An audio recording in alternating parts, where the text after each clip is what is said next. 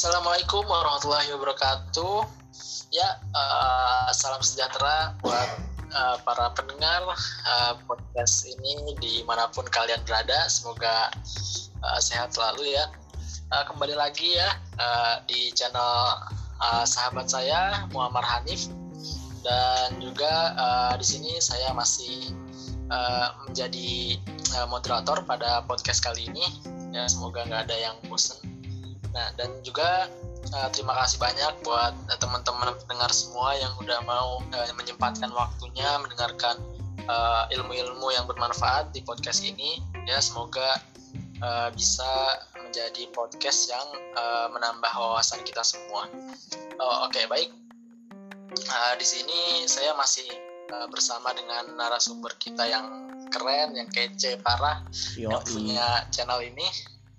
Kita sapa dulu ya. Assalamualaikum, uh, saudara Hanif. Waalaikumsalam, sahabat. Masya Allah. Masya Allah. Sehat ya? Alhamdulillah. Alhamdulillah. Oke. Okay. Ya, jadi uh, pada um, podcast kali ini kita akan membahas materi yang nggak kalah uh, kerennya ya, yang tentunya ini sangat penting juga untuk kita ketahui bersama. Nah, materi pada kali ini yaitu kita akan membahas mengenai uh, distorsi pasar. Nah, ini nih distorsi pasar ini benar-benar kata yang uh, apa ya mungkin uh, asing ya cukup asing di telinga kebanyakan orang apalagi orang yang awam soal uh, pasar gitu ya pengertian uh, mekanisme pasar dalam Islam. Nah di sini kita akan cari tahu nih apa sih distorsi pasar itu. Kita langsung aja tanyain ke narasumber kita ya uh, Pak Hanif. Jadi uh, bagaimana nih uh, apa sih distorsi pasar itu? Hmm, Oke, okay. ngomongin soal distorsi pasar nih ya Uh, sebelumnya sudah kita singgung nih di podcast sebelumnya mengenai manajemen pasar. Nah, distorsi pasar itu sendiri sebenarnya adalah uh, problema atau masalah yang dialami di dalam meka mekanisme pasar itu sendiri. Nah, kalau dari arti kata distorsi pasar itu, distorsi ya dalam kamus bahasa Indonesia adalah sebuah gangguan yang terjadi atau pemutarbalikan suatu fakta, aturan, dan penyimpangan dari fakta yang seharusnya terjadi. Sedangkan pasar secara umum dapat dikatakan sebagai suatu tempat bertemunya antara penjual dan pembeli.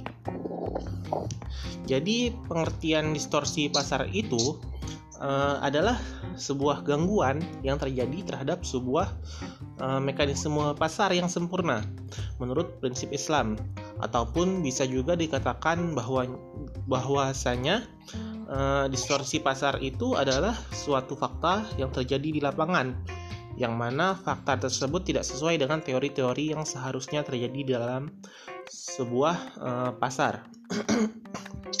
nah, mengenai distorsi pasar sendiri, ekonomi Islam mengidentifikasi Eh, beberapa bentuk distorsi pasar yaitu sebagai berikut. Yang pertama, uh, rekayasa penawaran dan rekayasa permintaan. Yang kedua, uh, tadlis atau bisa kita sebut penipuan. Yang ketiga adalah takrir atau kerancauan. Nah, rekayasa permintaan dan rekayasa penawaran itu dijelaskan bahwa uh, apa ya seperti ada uh, rekayasa lah dibuat-buat.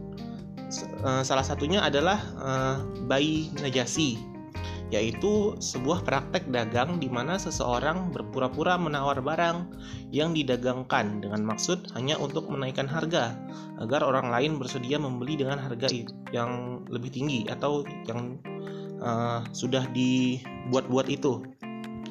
Uh, seperti misal kita ke toko A kita beli barang ini. Terus ada uh, orang yang sudah bekerja sama dengan pemilik toko itu jadi orang itu kayak uh, meng apa melebih-lebihkan. Seperti oh ini harganya lebih murah daripada toko sebelah. Barangnya juga lebih bagus gitu dan sebagainya.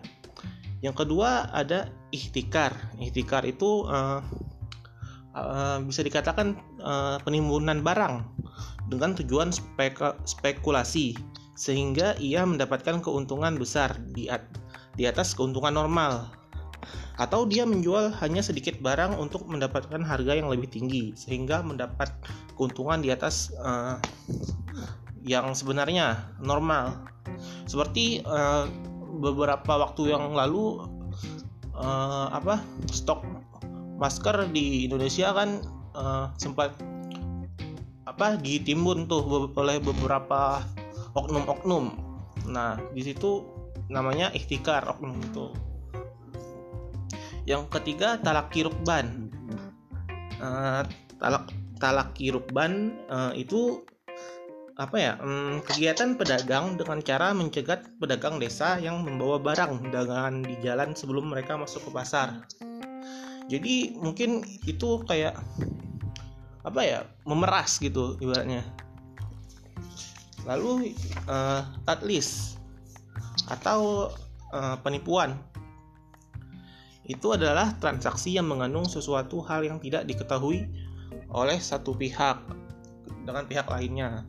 Atau mungkin uh, bisa di, disebut goror uh, jadi barangnya tidak jelas ada tidak kejelasan dalam suatu transaksi. Lalu ada takrir. Takdir berarti melakukan sesuatu untuk mengambil resiko sendiri dari suatu perbuatan yang mengandung resiko tanpa mengetahui dengan persis apa akibatnya. Atau mm, memasuki kancah resiko tanpa memikirkan uh, konsekuensinya. Uh, ya mungkin itu aja sih mengenai distorsi pasar. Memang agak singkat materi kali ini. Ya mungkin bisa dipahami oleh ya, pendengar. baik sekali ya. Iya oke okay, uh, baik sekali ya penjelasan yang barusan uh, dijelaskan oleh narasumber kita ya uh, saya kira sudah uh, jelas sekali tadi ya yang jelaskan bagaimana uh, apa itu distorsi pasar terus juga macam-macamnya jadi ya uh, benar-benar sudah uh, lengkap ya dan uh, mudah-mudahan bisa dipahami juga uh, oleh semua pendengar podcast ini. Amin. Nah, uh, ya uh, mungkin uh, pada mat, uh, segitu saja ya uh, pada materi pada podcast uh, sesi kali ini. Uh, semoga uh, bisa uh, diamalkan ya buat yang udah tahu juga uh, jangan ngelakuin ini karena ini perbuatan yang uh, dilarang ya dalam agama kita. Jadi uh, ini untuk uh, apa ya kehati-hatian aja lah istilahnya untuk waspada uh, distorsi pasar ini uh, bisa uh, merusak tatanan sebuah pasar yang baik gitu dan sebaiknya dihindari oleh para pelaku pasar gitu. Ya benar. Baik, uh, terima kasih ya uh, saudara Hanif atas uh, semua uh, materi dan penjelasan pada podcast kali ini. Saya Lutfi Pratama uh, pamit undur diri dan narasumber kita Muhammad Hanif juga. Terima kasih yang sudah mendengarkan. Assalamualaikum warahmatullahi wabarakatuh. Waalaikumsalam warahmatullahi wabarakatuh. Dan juga untuk yang belum mendengarkan podcast kita sebelumnya bisa dicek di channel ini dan juga di channel sahabat saya ya Lutfi Alwan Pratama. Sekian, terima kasih.